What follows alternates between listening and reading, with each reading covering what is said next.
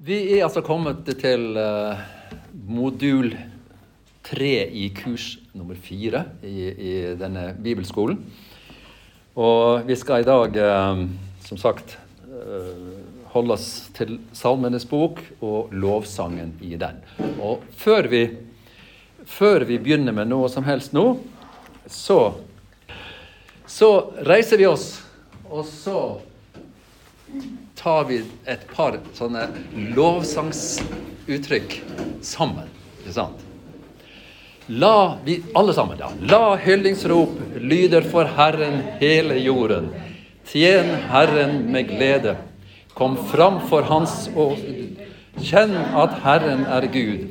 Han har skapt oss, ikke vi selv, til sitt folk og til den jorden han vokter. Gå gjennom hans porter med takkesang, inn i hans tempelgårder med lovsang. Lov ham og pris hans navn. For Herren er god, hans miskunn var evig, hans trofasthet varer fra slekt til slekt. Vi skal eh, konsentrere oss da om skaperverket, som, altså lovsang i sin helhet i Bibelen. Og Der har vi da i første omgang skaperverket som lovsynger. Har lovsangen i Gammeltestamentet og Nytestamentet. Vi har lovsangen i Salmenes bok spesifikt. Så går vi over på vår salmeskatt. Eldre salmer og sanger. Og så har vi salmer og sanger i moderne uttrykk. Så skal vi sammenligne disse her litt og se litt hva er, hva er, er forskjell, og, og, og, også noen tanker helt til slutt om gevinst og tap mellom gammelt og nytt.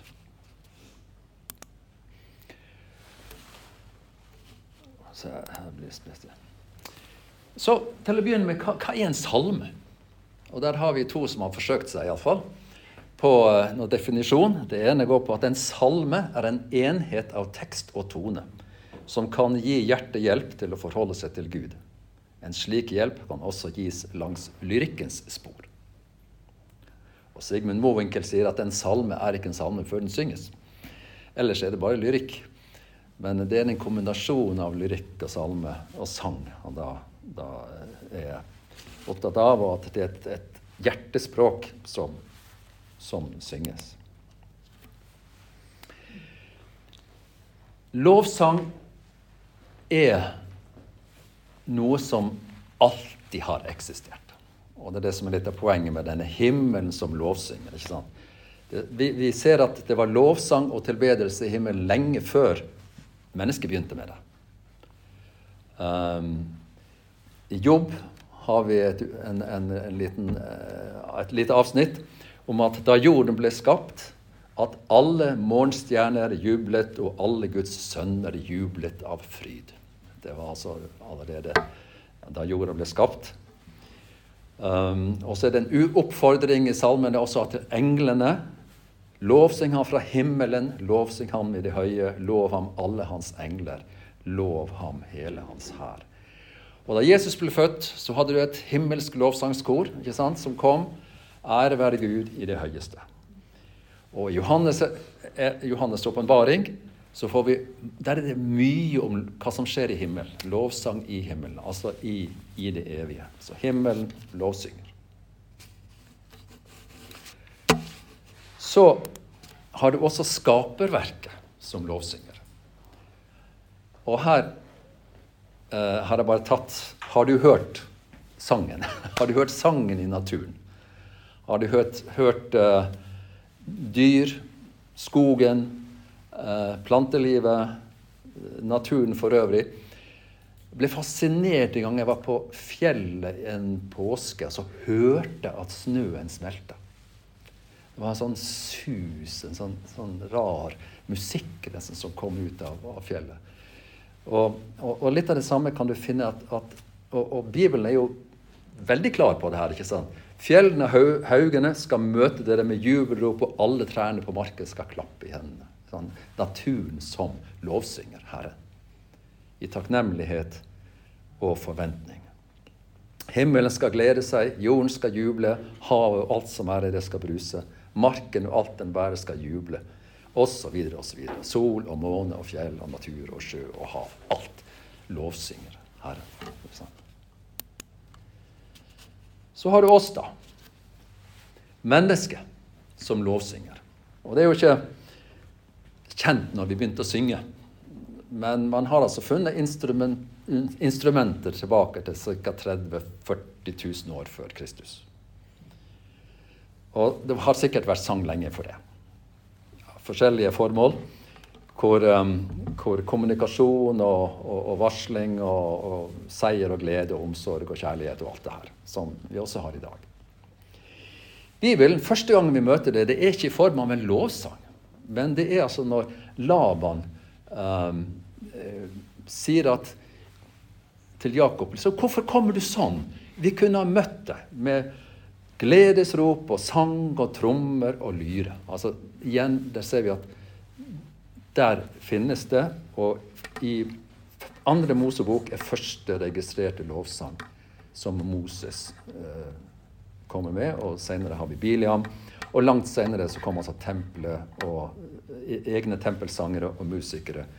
Og ellers så finner vi jo at Bibelen er full av sang og dans og musikk og instrumenter.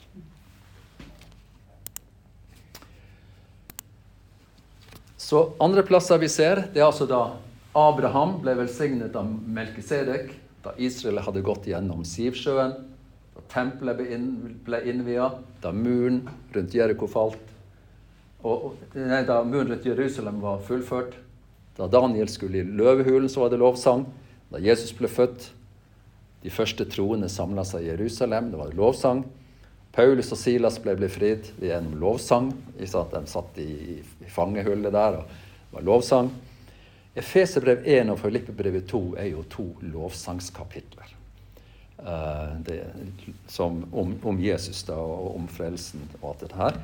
Og så har du åpenbaringa. Bare les åpenbaringa hvis dere har lyst til å få lovsangs um, Kom i lovsangsmodus, det vi har i vente.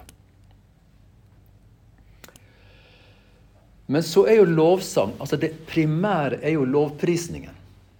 Altså, så lovsangen er jo bare ett Én av flere uttrykksformer i lovprisning. Vi lovpriser ikke sant, gjennom vårt bønneliv, gjennom omsorgsarbeid, ved å fylle oss med ordet og ånden, ved å leve ut åndens frukter og gaver. Gjennom vårt legeme, står det i Romerbrevet 12, og dette er deres åndelige gudstjeneste, står det. Der og ved vårt virke i familie og samfunn som for Herren. Vi lever som for Herren. Gjennom givertjeneste. Og jeg må si at givertjeneste for meg det er mye mer enn penger. Det er Tenk om vi hadde tanken om tiende av vår energi, vår tid, våre penger, våre ressurser, alt det vi har. At vi kunne tenke at ja, det tilhører Herren. Vi kan gi tiende av også det Jeg tror vi hadde sett en frivillighet i forsamlingene som var ganske annerledes enn det vi ser.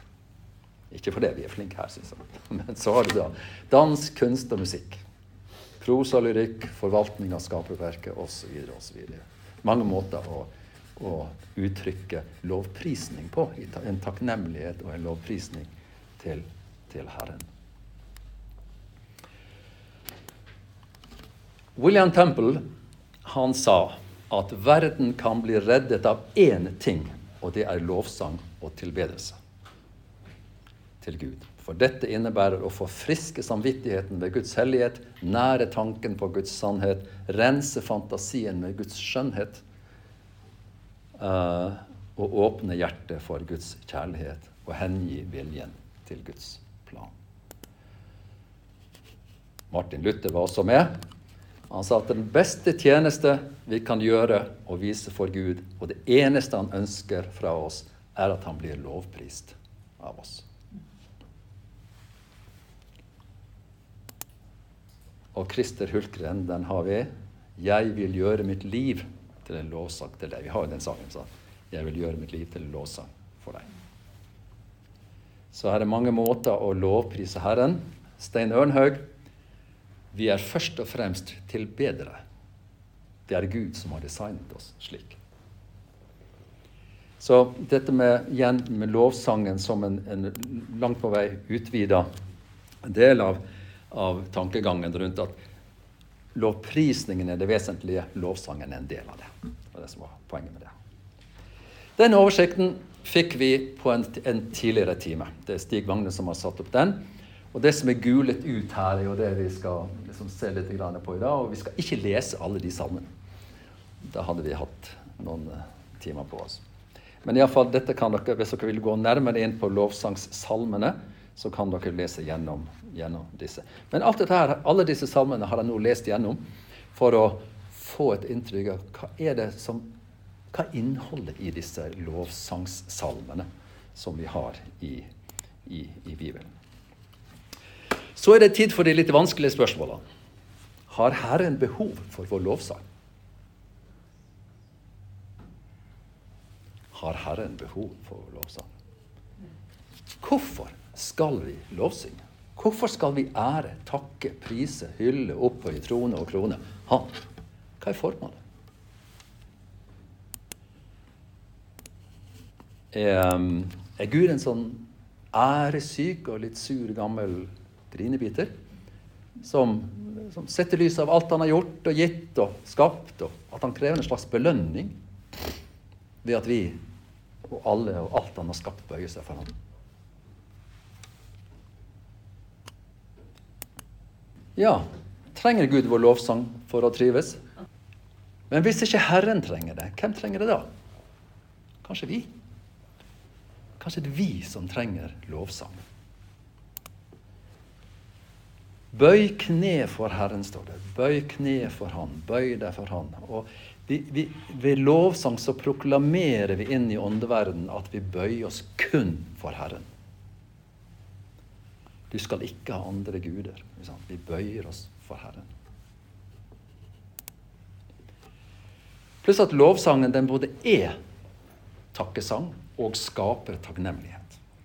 Vi bringer hjertet vårt, sinn og tanker og følelser over på Gud. Over på Guds karakter. Det han har skapt, det han har gitt, det han har gjort, det han har medvirka til. Du, Herre, du, Herre, er den eneste.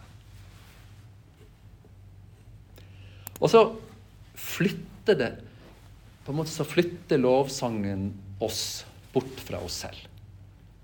Vi kommer bort fra våre problemer, fra våre sorger, fra savn og bekymringer, våre forbønner, våre hjelp oss-bønner på alle måter, våre lengsler og våre tankespinn. Sånn at vi overgir våre liv til vår skaper gjennom lovsang.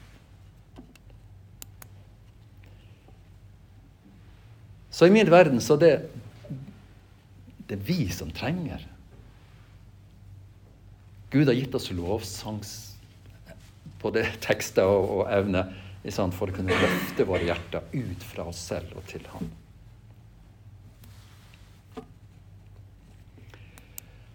Et annet spørsmål som jeg stiller meg, må følelsene være på plass for å kunne lovsynge?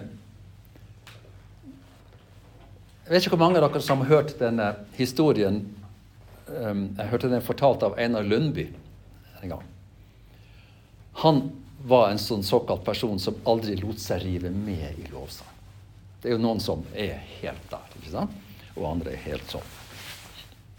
Men Og så, og så uh, gikk han ut i skogen og sparka kvist. Uh, og, og, gikk og lurte på dette her. Og hvor Gud viste han Så kom det en, en vind, og så viste Gud han to trær som står ved siden av hverandre. Det ene var ei stor gran, traust knirk, sånn i vind. Og ved siden av sto det ei asp som levde. ikke sant? Etter minste vindpust så var det liv og røre. Og, og Gud talte uh, til han om det der. Sant? At det er den samme vinden, er skapt begge to. Den ene reagerer sånn, den andre reagerer sånn og alt det til min ære. Så vi, vi trenger ikke det derre Vi gleder oss over dem som har det, og vi kan glede oss over dem som mer har den indre roen, eh, også i, i lovsangen. Men, men, salmene som sådan de gir oss jo et viktig og det her har Stig snakket litt om, og jeg syns bare igjen å gjenta det, at de gir oss et veldig riktig språk for livet sånn som det er. Alle variable. De beskriver livet sånn som det er. De flytter relasjonen fra Herren, med Herren fra hodet til hjertet. Eh, vi kan få et hjertespråk med Herren gjennom salmene. Og de uttrykker alle disse følelsene som vi har på ulike måter. Og Det som er så fint med salmene, det er jo at det er ingen følelser som er forbudt. Her er det glede og jubel og hevn og fortvilelse og nød og tro og tillit og sorg og hva har du. Alt. Raseri og sinne. Så han, han, både David og mange andre de, de fikk virkelig se det gjennom salmene, at Herren er hos dem. Så det jeg opplever at, salm, at lovsangen også gjør med oss, i tillegg til litt det jeg nevnte i sted, det er at den skaper ydmykhet. Fordi at Det er ikke lenger jeg som er, det er ikke lenger jeg som er verdens sentrum.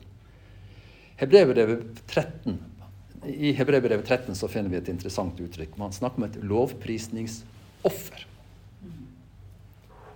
Og hva er det som ofres?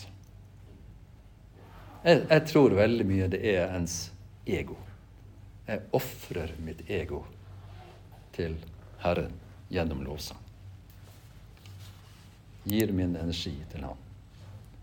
Det skaper glede, det skaper begeistring, det skaper motivasjon, ikke minst til å leve med Herren. Vademekum. Noen som vet hva det er for noe? Det betyr 'gå med meg'. Og det er, det er liksom Det jeg tenker på liksom sånn Ja, ja, gå med meg. Liksom det å tenke på at lovsangen er en, altså det er en motivasjon til å leve med Herren.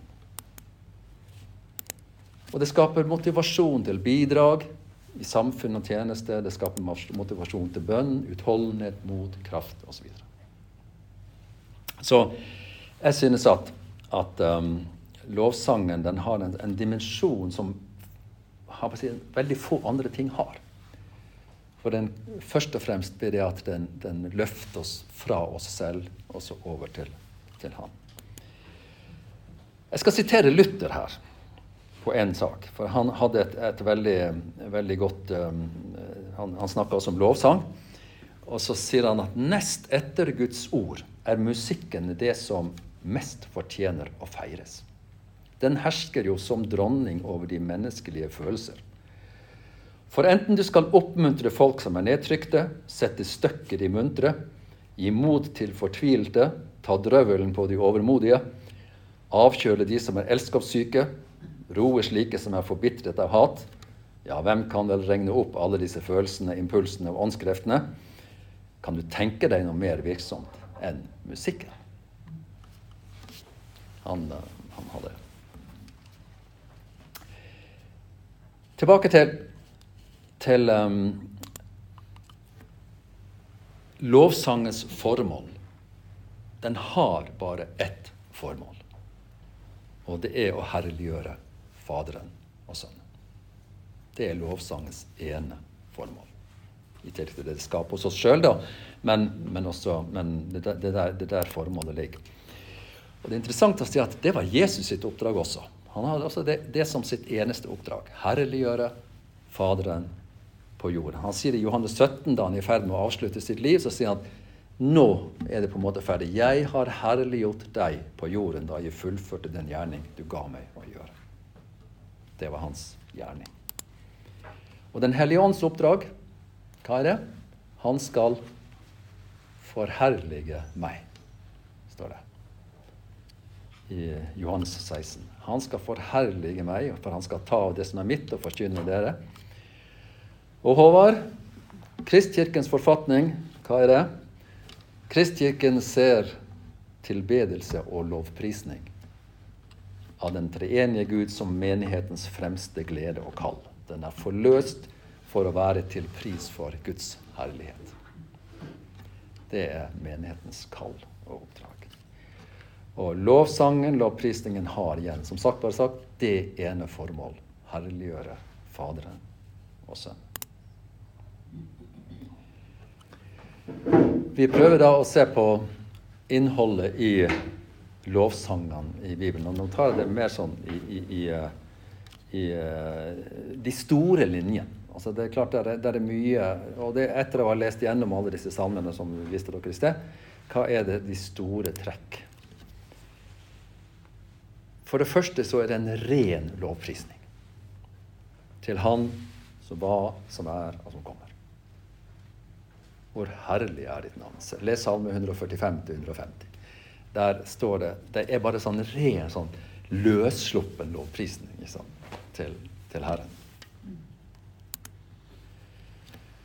Og så har du takk for hans miskunnhet. Salme 136, hvis dere leser den. Det virker som om det, det, er noen som har vært en slags forsanger, og så svarer menigheten Evig varer Guds miskunnhet. Altså hele salmen. Hvert eneste vers i hele salmen. Der har du evig varer Guds miskunnhet. Eh, den, den, burde vi nesten ha fått til en lovsang på. Det er en takk for hans godhet og hans trofasthet i alle livssituasjoner.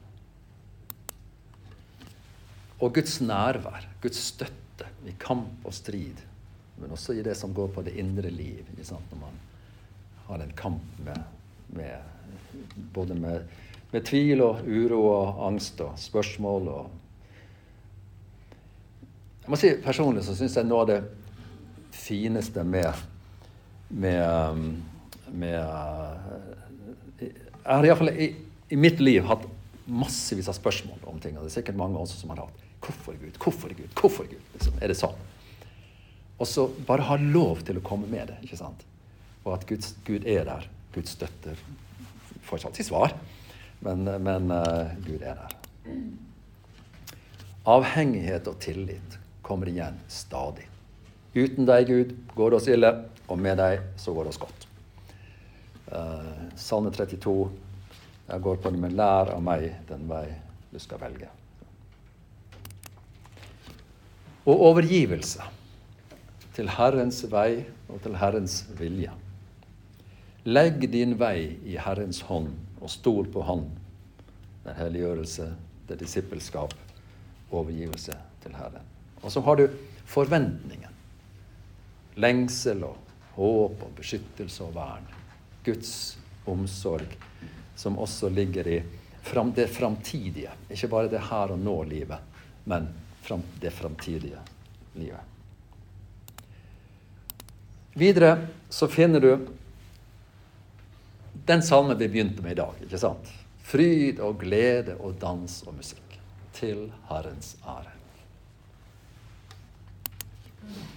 Rene kjærlighetserklæringer til Herren. Vi elsker deg, vi elsker ditt navn, vi elsker deg, Herre. Vi, vi tilber deg. Sånn. Så kommer han inn på dette med Guds omsorg. Um, hvordan Gud ser til de som trenger det. Til de undertrykte, til de farløse osv. osv. Her er det mye å, å, å, tenke på i vår, vår tid, og se hvordan Gud har omsorg også for de som mange samfunn ikke klarer å omfavne. Og så dette med at Gud er vår styrke i et vern i, i alle situasjoner. Mange ganger så har jeg forbauset meg over alle de de ordene som forfatterne av, av, Bibelen klarer å beskrive Gud med. Og jeg syns at her har du også et sånt berg og borg og fjell og skjold. Du ser liksom for deg en sånn, sånn Ja, Herren som et, et virkelig vern. Så. Så har du lovprisning for Guds karakter ikke sant? Og, og hva han gjør. Men, men først og fremst hans, hans karakter, hans rettferdighet, hans visdom, hans forstand. Det Gud gjør. Med mye mer. Uh, men disse, disse, det som jeg nå har nevnt nå, disse, på disse to siste slidesene, det er altså da hovedtrekkene som du finner igjen i salmen. Og så får vi, så får vi uh, sikkert finne Altså man kan finne mange flere, men jeg har ikke tatt med alle de, alle de allerede. Hvordan, hvordan ligger vi an i tid? Eh, du får, får er det, i ca. en halvtime. Cirka en halvtime. Ja. For jeg skal, jeg skal begynne på den, den, eh, den uh, neste bolken, eh, som kommer litt For, for det vi har dekket nå, det er liksom hva, hva er innholdet? Og hva er formålet med, med lovsangen i salmene? Jeg har hatt veldig glede av å, å, å se på akkurat det vi, vi, går inn i nå. Um, um, her er da den første trykte salmeboka i Norge. Um, Dorothee Engebrettsdatter fra Bergen utga Norges første salmebok i 1678. Um, sjelens sangoffer, gudelige sanger på de fornemste fester om syndenes forlatelse, fortrøstning på Guds nåde, mot fortvilelse, utålelig mødighet osv. Um, men hun var en virkelig ressurs i sin tid inn i kristenlivet i, i, i Norge. Og tror, hvis noen har lyst til å gjøre et studium om, om uh, norske kvinner som hadde innflytelse i, i, ånd, i, åndslivet, så er hun en av dem. Hun um, skrev veldig mange salmer sjøl, men, men det, det, det, interessante med den boka er også det at den har, hun, hun um, fikk samla sammen mye av salmer som altså da var i, i, omløp.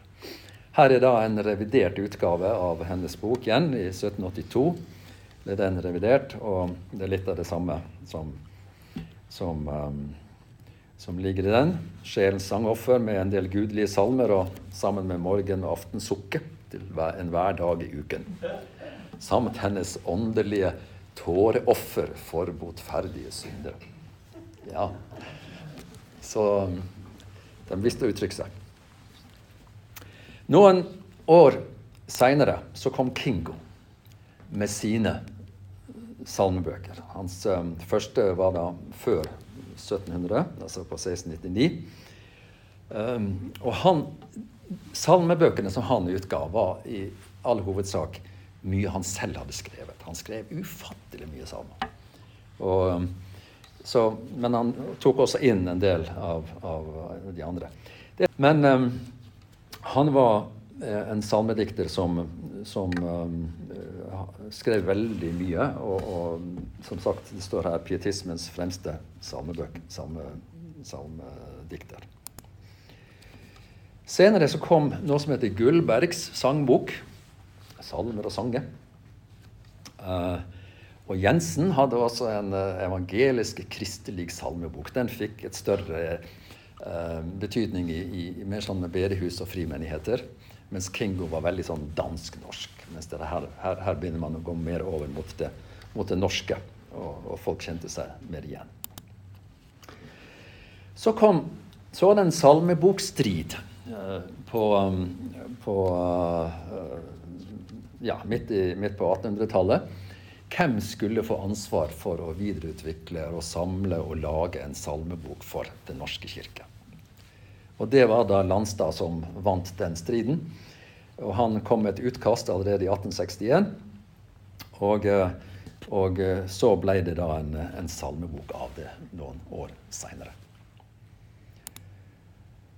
Men midt oppi det, andre, oppi det her så altså Det var jo eh, Elias Blix og, og Landstad lå i litt strid her om hvem som skulle være, være pådriver for nytt, nytt sameverk. Og Blix tapte den, men han ga ut tre salmebøker som han kalte for 'Nokre salmer'.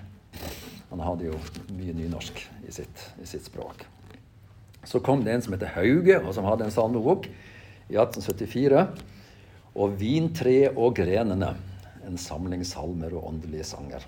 Ehm, så utpå 1900-tallet så ble det Landstads salmebok. Eh, på plass, så ser jeg at allerede i 1938 så er det revidert og forøket. Ehm, så kom denne, eh, som vi i dag kjenner igjen fra kanskje mest i frimenigheter og forsamlinger i misjonssammenheng. den sangboken som vi kjenner igjen. Første utgave i 1928, og her er vel den som ble revidert i 1983. Og så har jeg lyst til å nevne de to. Dem tror jeg noen og enhver har et forhold til. Uh, Vatsberg sin Skolens sangbok. Det er en gullgruve for det var, det var, en gullgruve, skal vi si det sånn, for oss som vokste opp. For vi lærte jo alle disse sangene. Der står det salmer og sanger, og vi hadde morgenandakt, og vi hadde samlinger hvor også salmer og masse andre sanger ble, ble Vi fikk et forhold til det. Vi hadde ikke de tunge salmebøkene, men vi hadde skolens sangbok. På den tid var jo det noe annet. Rop det ut kjenner vi igjen. Den kom så sent som i 1982. Og den begynner da å samle sammen mye av de mer moderne uh, sangene som også kommer. Og så har vi litt mer. Norsk salmebok, Pinsemenigheten, Katolskirken, Metodistkirken, Baptistkirken, Frikirken, Frelsesarmeen.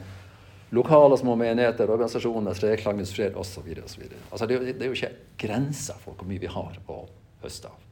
Og mange av disse her har jo mye av de samme, um, de samme sangene. Um, men uh, av og til litt sånn variasjon i det.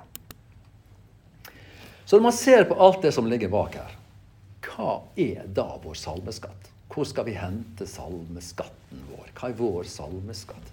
For mange av disse her, de skrev jo tusenvis av sanger. Um, um, men bare noen få, bare noen få er bevart.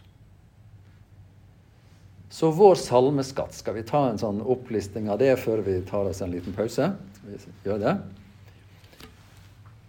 Jo, det er Salmenes bok. Og andre hymner, det vi finner i Bibelen sjøl.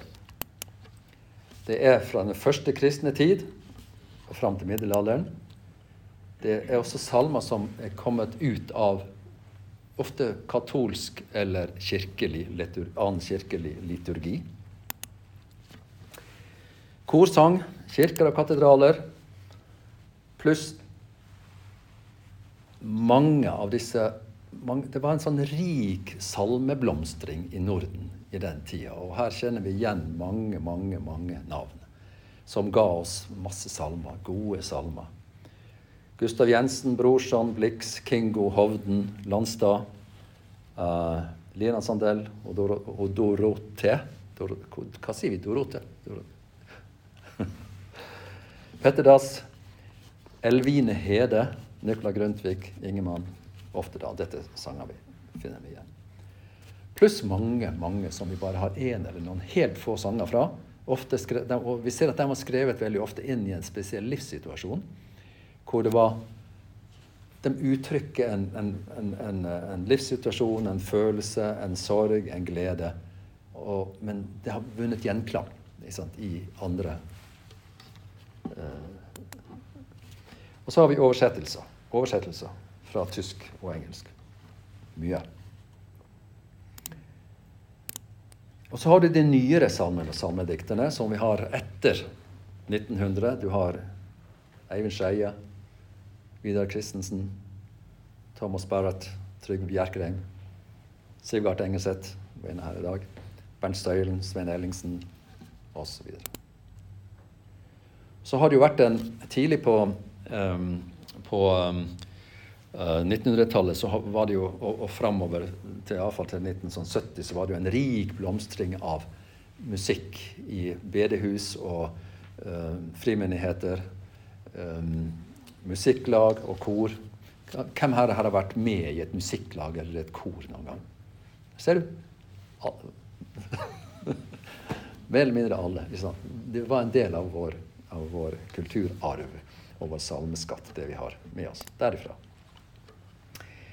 Vi har også internasjonale sanger. I det siste så har vi jo Negro Spirituals det var jo på plass da den gang jeg var ung. Ja. Men så har du, du Hillsong, Taizé-fellesskapet, Vineyard, som uh, er kommet opp nå i de siste åra. Så har vi Internett. Vi har jo en enorm sang av salmeskatt gjennom Internett. Fra hele verden og på alle språk. De oversettes, eller de kan brukes sånn som de er. Vi um, har jo flere av dem her i, i, vårt fellesskap også. Og så har du helt nye sanger som dukker opp her og der. Som treffer oss. Som, som uh, møter livet. som, og samtidig opphøyer Herren. Og uh, ja, der er det, der er det også veldig mye, mye fint. Og som jeg nevnte, bare noen få av disse sangene som vi har, har, disse salmebøkene og sangbøkene og alt som jeg nevnte, bare noen få av dem er bevart i dag. Og det er bare noen få av dem som har truffet hjertet, virkelig.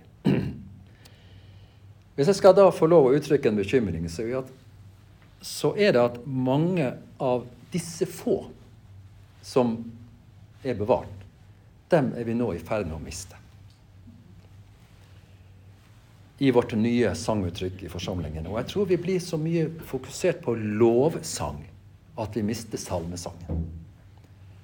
Det blir et snevert, det blir et lite utvalg av det totale salmeuttrykket som vi, vi egentlig har som en skatt, som blir videreført. Fordi at vi, vi skal vi fokuserer på lovsangen og ikke på de andre sjangerne som du finner innenfor salmeuttrykk. Lekfolket hadde jo tidligere et mye nærmere forhold til salmeboka enn de hadde til Bibelen. De hadde jo ikke Bibel, men de hadde salmebok. Og den, den var deres inngang til liv og dagligliv, til livet med Herren. For Bibelen det var noe som du enten hadde i kirkene, eller som Faderen tok fram ved høytidelige anledninger. Leste på søndags formiddag. Men salmene må vi passe oss for. Og dem må vi ta vare på.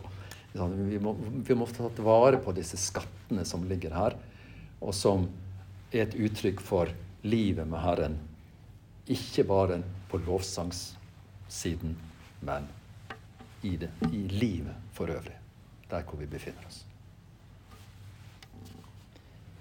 Og da tror jeg vi tar en pause. Da kan vi uh, fortsette. Og um, um, vi har jo nettopp gått gjennom en del av det som er med et, en, et, en, oversikt over de eldre salmer og sanger. Og, og hva, er, hva, er, da særtrekk ved mange av disse? For det første så finner vi mye lovprisning i, i de gamle salmene. Om uh, Jesus, om seierherren, frelseren osv. Og det er lovprisning av Faderen, av Gud, av Guds hellighet, Guds hellighet og makt. Um, litt av det som vi Guds trofasthet og omsorg. Og der vil jeg, Hvis dere har lyst til å le, synge gode salmer om Guds trofasthet og omsorg, så skal dere søke på Fanny Crosby og Lina Sandel. Der er mye nydelig. Uh, de har virkelig et sånt hjertespråk med, med Herren. Og så er det mye om renhet i hjertet, om et hellig liv, et liv i troskap, i disippelskap. Liksom å følge Jesus. Det er mange av salmene som, som har, har Og så noe som jeg savner mye i de, i de, de, de nye salmene, det er himmellengsel. Altså, og det finner du altså i disse gamle salmene. Det, det, det, det, er en slags oppbygning av salmene som, som er interessant. fordi at de de inneholder ofte en sånn første lovprisning, og så er det om livet med Herren, og så er det himmel. Og nesten alle salmene du finner, de avslutter med en lengsel, en himmelvendt retning. Så, så, det er bare sånne sanger som vi synger ofte, liksom 'Deg å få skåe', f.eks. Den har også det i siste verset, om, om, om, å få være, være der. Så har du proklamasjoner. ikke sant? Vi, vi proklamerer seier, vi proklamerer Eh, og etterfulgt av, av bønn. Og særlig Elias Blix eh, eh, har masse flotte salmer knytta til det. Der må du tåle nynorsk. og så har du også noe som man savner litt i dag. Det er invitasjon. Invitasjon til bot, til omvendelse, til frelse. Misjon og tjeneste har vi.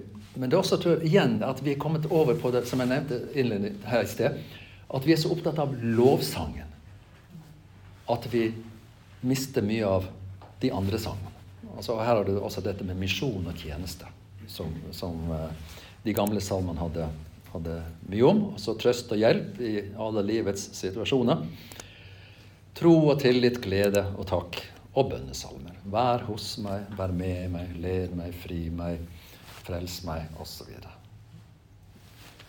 Så, det, det, er trekk som vi finner i, i, i sånn gjennomgående trekk som ligger i disse gamle salmene.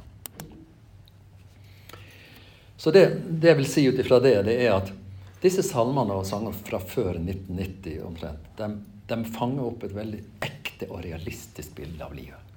Livet sånn som det er. Det, liksom, også, også, sal, de hadde jo salmeboka. Det var den de forholdt seg til. Så salmer og sanger fra før 1990 de fanger opp sier jeg, et realistisk og ekte bilde av livet, slik også Salmenes bok gjør. Det er glede og takknemlighet over Guds Gud og hans skaperverk. Vi er på jorden, vi er med Herren, vi er for mennesker. Lovsang, du var, du er, du kommer. Jesus og hans liv og tjeneste for oss, fra fødsel til himmelfart, dekkes av mange av salmene. Dette med Den hellige ånds kraft, gaver, frelst av nåde, bønn og lengsler, lengsel og håp og forventning. Vi finner, altså, dette her er De gamle salmenes bok hadde dette som tematikk. Og det har altså disse salmene. Men så er det et men. For mange av disse eldre salmene de formidler også en konservativ, pietistisk og en litt stivna tradisjon. Uh, språk er gammeldags. Det kommuniserer dårlig for uh, nye generasjoner. Um, det ofte kan være langtekkelige, vanskelige, tunge melodier. Uh, at man ikke ah, liksom sånn, du, du, sitter og til slutt så er du så dårlig i halsen at du, du klarer ikke å synge mer. Ikke og så er de tilpassa orgel eller ingen instrumentering. Jeg vokste jo opp i en læstadiansk tradisjon hvor, hvor musikkinstrumenter ikke hørte til. Eh, der skulle man synge 32 vers og, liksom bare være med på det. Um, og så mangler de rytme, og så mangler de liv. For mange av disse, disse gamle salmene. Så, så jeg, i, min, i min eh, tenkning iallfall, så er det behov for fornyelse. Det er et behov for fornyelse sett tilbake til de gamle salmene, både i tekster og musikk. Kanskje en fornyelse som går tilbake til Salmenes bok. Som vi sa i sted, her, I Salmenes bok så finner vi så mye glede, du finner så mye lovsang, du finner så mye takknemlighet. Men kanskje få det i nåtidens språkdrakt. Og så En liten fotnote her at fornyelse er jo ikke noe nytt. Um, han, um, Reginald Heber, han som skrev også 'Hellig, hellig, hellig', han uh, sto for en uh, radikal fornyelse av salmesangen i den anglikanske kirke. Han ivra for mer bruk av hymner og komme seg bort ifra det å erstatte datidens salmer, som hadde veldig mye sånn fastlagt, bestemt, forutbestemt rykte, rytme og taktslag. Og så ville han få den anglikanske kirka mer over mot de sangene som etter hvert oppsto i de frikirkelige menighetene. Han han møtte mye motstand, men han fikk gjennomslag. Han fornya på mange måter salmesangen i den anglikanske kirke. Eh, så han har bare et eksempel på at vi skal ikke være så veldig redd for å, å tenke fornyelse. Da skal vi se litt på hva er forskjellen og hva er likheten mellom historiske og nyere salmer og kristne sanger. Og Da skal har jeg delt det inn i fire avsnitt. Det ene er hva gleder vi oss over? Hva hva er flott med det, med, med eh, det moderne uttrykket? Jo, altså lovsangen og hyllesten av Herren har stor plass. Det er helt på sin plass. Vi, vi har fått inn masse flotte lovsanger. Og det gir oss, sangene gir oss mer rom for meditasjon og stillhet. Vi skal ikke synge nødvendigvis 32 vers, men vi kan, vi kan ha, ha, mer tid til å meditere, til å synge. Og så har vi gode forsangere. Og det de av oss som er skikkelig gamle, vi husker at det var klokkeren sin jobb det, å sitte foran i, i koret og lede an i sangen, sånn at han fikk forsamlingen med. Og på en måte så erstatter lovsangslederne forsangen de erstatter på mange måter det. Vi synger mer, rett og slett. Og så er jeg veldig begeistra for instrumenteringen. At den er kommet inn for fullt. Vi, har, vi tar i bruk musikkens muligheter. Vi liksom, Det treffer hele oss. Uh, det er veldig flott når musikken går i magen. Du, du, kjenner det. Liksom. å, liksom det er ikke bare liksom, en, en, noen ord, og sånn, men, men, musikken gir oss en tilgang til, til budskapet på en uh, veldig fin måte også. Og jeg, jeg mener det er mer bibelsk å bruke mer instrumentering. For det gjorde de virkelig i, i, i Bibelen. Og så det likeså dette med innføring av rytme og dans i lovsangen. Vi er, er vokst opp i en litt sånn livløs nordisk tradisjon, pietistisk, hvor man knapt kunne sånn til en sang. Eh, men det å, å kunne få både sjøl få være med og, og, og, og, danse og synge og bruke rytme, det tror jeg er veldig bibelsk. Og så har vi fått inn mange gode bønnesalmer og kjærlighetssanger. Kjærlighet til Jesus, kjærlighet til Gud, som, som vi, vi, ja, gleder oss over. Og så har vi mange dyptpløyende sanger om glede, frelse og frihet. Men så stiller jeg spørsmålet hva er frihet? Og kanskje er det en sånn definisjonssak her at mens man tidligere var opptatt av hva er vi fri fra, så er vi nå med på hva er vi fri til. Og her er jeg litt usikker på hva som er riktig. men, men, jeg tror vi, vi må finne en, en, en god balanse her. For ja, de gamle sangene de snakka om, om, mye fri fra synd, dom, fortapelse, helvete, bla, bla, bla. Hele det der. Mens nå er det mer frihet til å leve, til å utfolde seg, til det ene og det andre og det tredje. Sant? Men det er nok begge deler er riktig, men betoningen er forskjellig. Mens man tidligere var på frasiden, så er man nå mer på tilsiden. Og hva har vi felles? Vi har rene lovsanger. Det er det eneste formålet er å prise Herren. Det hadde vi i de gamle dager, det har vi nå. Sanger om takknemlighet, glede og fred. Og Jesus-sanger, ikke minst. Det hadde vi også i gamle dager, hvis jeg skal få lov å bruke et uttrykk. Jeg føler meg ikke så veldig gammel, men sånn er det. Tro og tillit og bønnesalmer. Dette her er felles, som, som vi også har et uttrykk på i dag. Guds storhet, Guds nåde, Guds trofasthet, Guds miskunnhet. Dette synger vi om. Og at seieren tilhører Herren. Men så sier det at kamparenaen er kanskje ikke den samme i dag som før. Og med det så, så tenker jeg at jeg tror, og for så vidt øh, husker også mye fra min, fra min, øh, min oppvekst, at det, det, var mye mer sånn kamp i det daglige. Også om i ren sånn fattigdom og nød og slit. og, og, og altså At folk hadde et, et, et, et, et forhold til livet som var ganske slitsomt. Uh, mens i dag er det kanskje mer kamp mot uh, Jeg vet ikke hva, men, men en, en um, Selvfølgelig indre, indre strid, indre krefter, vanskeligheter i, i, livet som går mer på det, på det indre. Den gangen var det også mye det ytre.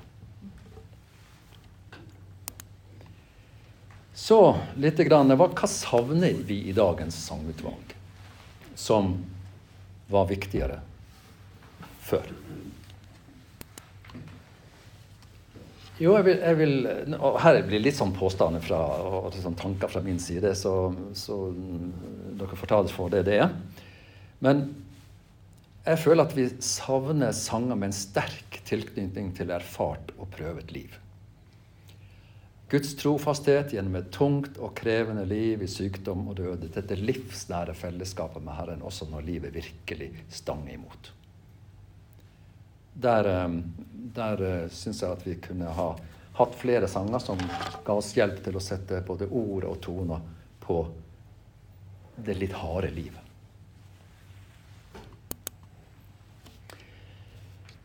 Det er veldig lite bot og anger over synd. Veldig lite om innbydelse til frelse og forsoning og vekkelse. Mens uh, vi tidligere hadde mange sanger som gikk på det. Etterfølgelse og helliggjørelse. Troens kamp, troens smerte, troens nederlag, frykt og angst motgang, karakterbygging osv. Så sånn her, her eh, og, og, og, tilbake til litt av det jeg sa i sted. Blir vi så opptatt av lovsangen at vi mister salmesangen? Altså sangen som setter ord på alt det andre. Alle de andre følelsene og alle de andre behovene som vi har. Jeg tror vi trenger salmer og sanger som vi kan synge vår, vårt liv i, inn i. Eh, der hvor vi, hvor vi, befinner oss i livet. Enten det er jubel eller død, holdt jeg på å si. Men at vi skal Vi må få ta vare på, på begge deler. Guds hellighet, tenker jeg på. Guds, hele Guds karakter. Og der, tenk på det med frykt for Herren. Sant? Den allmektige Herren. Frykten for Han Um, den veldige lovgiveren. Um, dommeren, kongen, frelseren. Altså det, det trekket ved Herren som på en måte er Hvor betoningen igjen er flytta bort fra, fra noe av dette her. Og så, og så, over på mer at vi, vi, priser Herren for frelsen, for det ene, for det andre. og det, men, men det å betrakte Herrens karakter gjennom sang har jeg savna en del. Kall og kraft til tjeneste. Der er det veldig få sanger som jeg kan huske at vi driver og synger på. Um, til misjon, til verden, til innvielse, til Herren. Og hele salmen. Vi skal ikke fortsette å synge 32 vers, det er, det, det er ikke det, jeg mener. Men det er en del salmer som er så forenkla eh, at de, de har fjerna seg fra det opprinnelige. Det er f.eks. En, en del salmer som, som, er helt ukjente i dag, og som de hadde, hadde mye av før. Det, kaller, det jeg kaller for dialogsalmer. En samtale mellom menneske og Jesus, eller menneske og Gud. Hvor mennesket uttrykker sin bønn, sånn som denne 'Hjelp meg, og kjæreste Jesus, å vinne'. Og så svarer Jesus. At, at jo, han har ordna i stand sånn og sånn. Det skal gi deg kraft og mot og styrke. ikke sant? Og så kommer, kommer mennesket igjen, og så 'Hjelp meg, kjære Jesus, med ditt og ditt og datt'. Og så, og så svarer Jesus. Veldig fascinerende salmer. Uh, men sån, sånne salmer, dem har vi mista mye. Så akkurat den sangen her har jeg, jeg klart å finne uh, åtte av de 14 versene på gammeltysk, gotisk skrevet. Men uh, klarte nå å stotre meg gjennom det, men det var veldig, veldig flott. Og så har vi sangen om håpet, framtiden hos Herren, himmellengselen, hvor jeg gjerne skulle hatt litt mer. Og så poesien. Altså, beklager alle som eventuelt måtte sitte og oversette sanger eller lage nye uh, lovsanger. Det er veldig mye, unnskyld uttrykket, elendig poesi de, de, gamle sangene hadde mye nydelig poesi. Altså det var rett og slett, det, altså Dem som skapte disse sangene, de anstrengte seg dag ut og dag inn for å, liksom, å lage god poesi. I dag har jeg inntrykk av at det er sånn som gjøres på et ettermiddagsskift. Altså Man oversetter en sang, og så får man noe et eller annet som kan synges. Men det er rett og slett mye, mye dårlig. Vi hadde jo et eksempel i denne sanggruppa vår en, eh, en, engelsk sang, som, en nylig sang som, som, ble oversatt til norsk. Men den kunne rett og slett ikke synges. Fordi at ble, budskapet ble eh, litt så platt.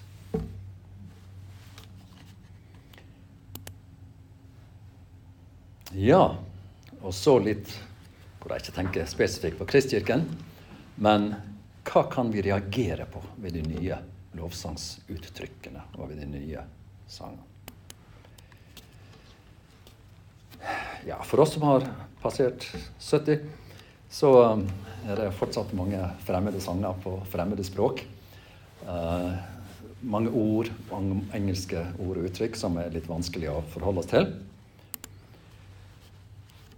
Og så har vi en del sanger som er vanskelige melodier. Som ikke er sangbare for forsamlingen. De er sangbare for de som har trimma dem inn og øvd dem inn og står på scenen. Men vi som sitter i salen, vi, vi har ikke sjans til å følge med.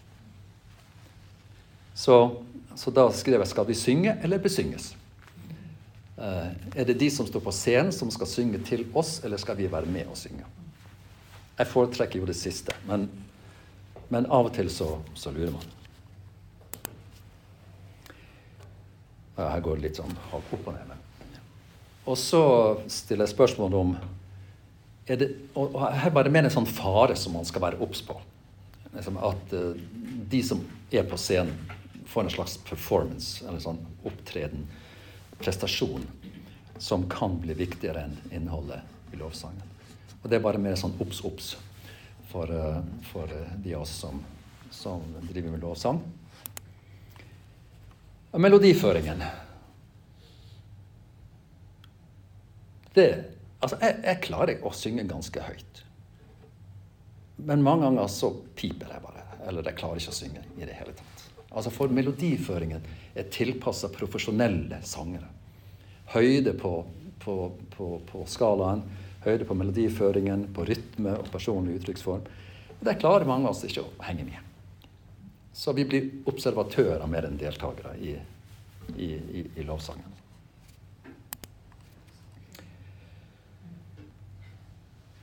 Gjentagelse, gjentagelse, gjentagelse. Altså 20 ganger den samme strofen. Om igjen og om igjen om igjen. om igjen. Altså, for meg blir det Jeg klarer ikke det. Men det, det igjen, jeg, jeg sier, her, her, er litt mine, mine synspunkter på ting. Det kan godt hende noen av dere syns det er nydelig. Uh, men jeg nevner det som en av mine, mine uh, kjepphester. Og så syns jeg at vel, en, en, god del av de lovsangene vi får nå, det er at jeg og vi lovsynger her og nå. Men hva priser vi og takker vi Han for? Er det 'What's in it for me?' eller 'What's in it for him'? Altså, hva, er, er, det, er, det, min Er det jeg som er i sentrum, eller er det han som er i sentrum? Og lovsang skal være har ett sentrum. Skal ha én adressat. Og det er han. Eh, hvordan jeg uttrykker meg, er for så vidt interessant, Men det er en lovsang til, til han. Ja, og det har jeg vært inne på. Um, utfordringen med språk. At det, du, vi finner også en, en, en, slags reagering Noe jeg kan reagere på, det er også at, at det, det, er enkle, til dels veldig enkle tekster. Som når du har sunget dem to ganger, så trenger du ikke å synge dem tolv ganger til. Um, så ja. Jeg vet ikke om dere kjenner dere igjen, men altså, det, det her er bare sånn sånn min, min mage. Så, så i og med at jeg har gitt mikrofonen nå, så tar jeg anledningen. så til slutt litt om hva kan vi i Kristkirken gjøre med dette. Og jeg tror vi skal ha frimodighet til å grave opp disse skattene som ligger skjult. Dem, den, den skal vi gjerne få mer på, på, på agendaen.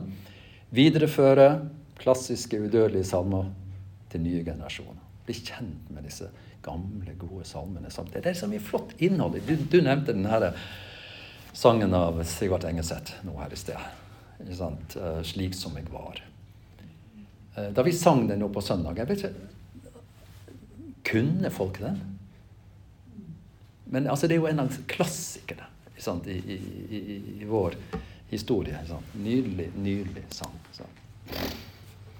Og så må vi tenke at lovsangssekvensen er også forkynnelse.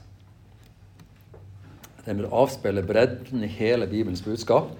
Så skal, jeg mener vi skal stimulere til å bruke flere av de såkalte gamle sangene.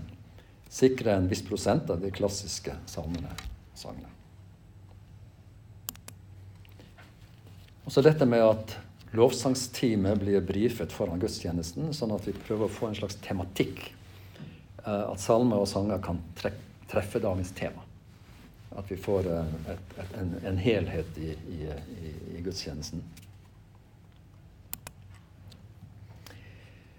Så kan vi jo spørre skal vi ha egne sam samlinger med sånn salmer og sanger vi gjerne synger. Uh, ha en sånn skikkelig lovsangskveld med sånn salmesangkveld. Hvor, hvor, man kunne hatt ønskekonsert eller et eller annet sånt. Hvor, hvor, man kunne få anledning til å ta opp igjen en del av disse sangene. Og så har jeg lyst til å hente fram en større instrumentbredde. Liksom, hvor er det blitt av strykerne? Hvor er blåserne? Hvor er andre strengeinstrumenter? Hvor er rytme, andre rytmeinstrumenter? Altså, det er bare gitar og gitar og gitar og trommer og, og, og sånn. Men det er, liksom masse, det er en sånn rik musikkmulighet. Så kanskje vi skal ha en um, talentkonkurranse i menigheten. Hvor alle som har spilt eller spiller et eller annet, de møter opp med sine instrumenter.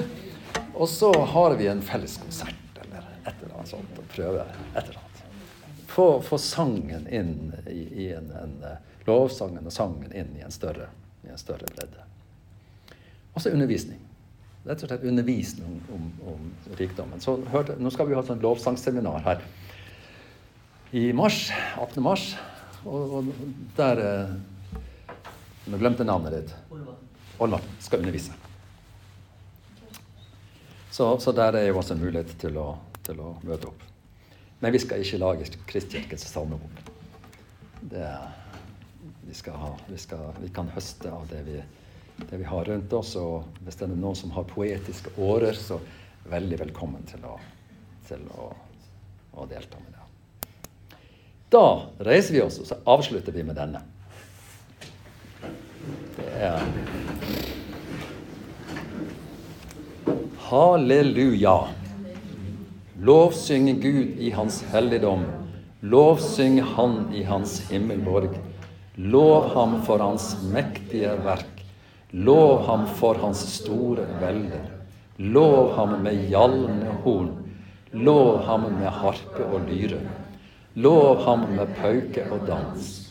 Lov ham med strengespill og fløyte. Lov ham med tonende symler. Lov ham med klingende symler. Alt som har ånde, skal love Herren. Halleluja.